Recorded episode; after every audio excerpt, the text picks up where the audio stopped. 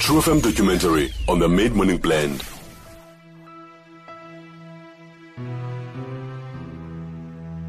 Yintoni amalungelo oluntu? Inyanga yokwindla eMzantsi Afrika yasekelwa ukubhiyozela amalungelo oluntu nokuba kukhunjulwe loo maqhawe namaqhawekazi azijula ijacu esilwela bemi beli ukuba nabo babe namalungelo afanayo nawabanye abantu. La malungelo oluntu awakhethanga bani, alungiselelwe wonke umntu kwaye awasetyenzelwa. Umntu uwafumana nokuzalwa kwakhe futhi akukho mntu unemvume yokuwagxutha kuwe.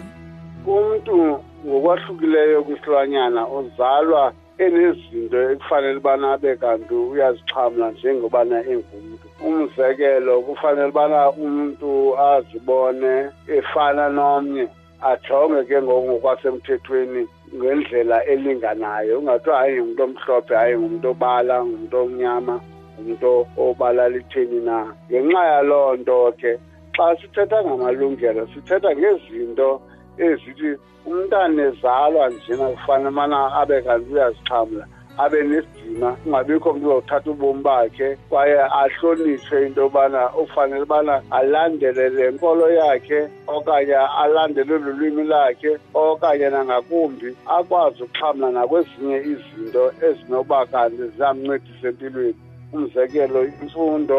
indlu iinkonzo zempilo ezizizo ukutya amanzi nendalo lena emngqongileyo ibe kanti yindalo esemgangathweni engazomchaphazela ngokwasempilweni ngokufutshane ke zezinye zezinto esicinga ubana ezo zizinto noko ongenawozithenga evenkileni kodwa kufanele ubana kuba ungumntu ubuye kanti uyakwazi ukuzixhamla amalungelo oluntu jikelele aboniswa aqinisekiswe ngumthetho iintlobo zezivumelwano umthetho wesintu wezizwe, imigaqo jikelele kunye neminye imithombo yezomthetho yezizwe. Lo mthetho wesintu ubophelela oorhulumente ukuba benze izinto ngokomithetho yawo ukuze ukhuthaze ukukhuseleka kwamalungelo oluntu nenkululeko engundoqo ebantwini. Kwathi xa kufika le nkqubo isekelezelwe kwintando yeninzi nento bathi abantu abaninzi idemokhrasi kwabonakala kufanelekile ubana makumisele phakathi kwezinye izinto into ezoba ngumkhombandlela kweli lizwe ejongene nokuqinisekisa ubana ngoku xa kuthiwa kukhululekiwe kufama ilizwe lawo lenjani na kweziwa ke nomgaqoseko umqulu osekelezelwe kwintando yeninzi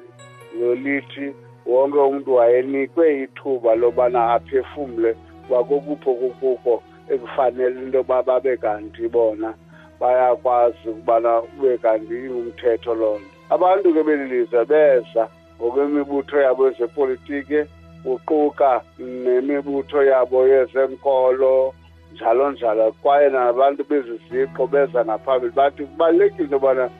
siwamisele la malungelo sicumana besikade singawaxhamli njengabantu kweli lizwe njengomthetho nawo kwathi kweso sahluko sesibini somgaqoseko kwamiselwa luhlu lamalungelo abantu ithi ke loo nto xa namhlanje sigcoba sibhiyozela into yoba sinamalungelo sifanele uba sicinge ngaloo mbali leyo kwaye nangakumbi sizibuze into yobana kokube kufanele uba sikwenze ukubheka phambili uqinisekisa into yobana abantu nangakumbi abantu abanembali yongcinezelo kweli lizwe bayakwazi uwaxhamla amalungelo abo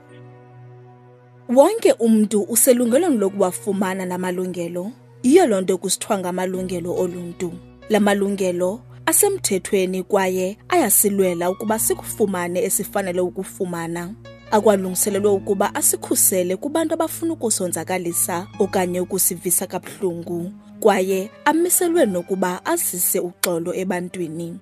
kubaluleke kakhulu ukuba sithi xa sijonga le nyanga kamatshi silande emva sizibuze imibuzo ithi kwakwenzeke ntoni ngale nyanga phaa kwinyaka edlulileyo abantu bakuthi babe qhankqalazela ukungahlonitshwa kwamalungelo abo njengabantu nangaphezu koko bephakamisa into yobana urhulumente oyilawula ngelo xesha elo noko kufanele ubana ayinikele ingqaliselo into yabantu abangabantu abamnyama abangabantu bale ndawo urhulumente wabantu abamhlophe befike bekuyo ngeenjongo zokuphucula iimeko zobudlelwane ngezombangazo ngezopolitiki nokuphucula iimeko zentlalo zabantu abo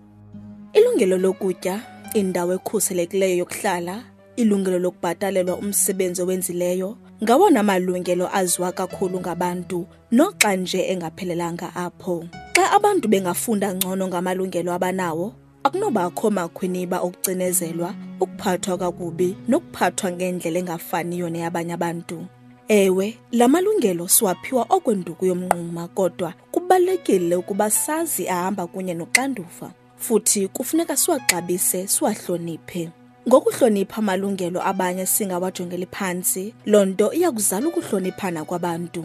La malungelo awakhuthazi ukuba ingahlonitshwa imithetho ebekwe phantsi kwayo Lo nto igxininisa kolwa xanduva luza nala malungelo.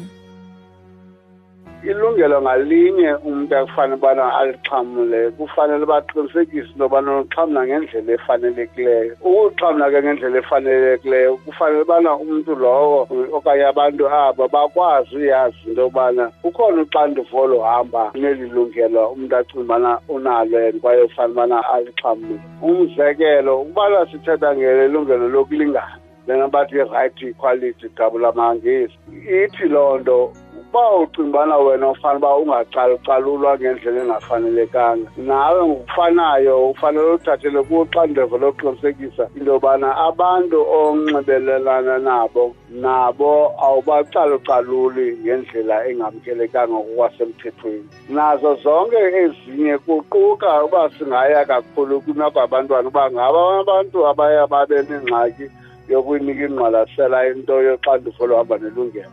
ukubana uyabonelelwa ngemfundo urhulumente uncediswa leleka kokuhlonipha into yobana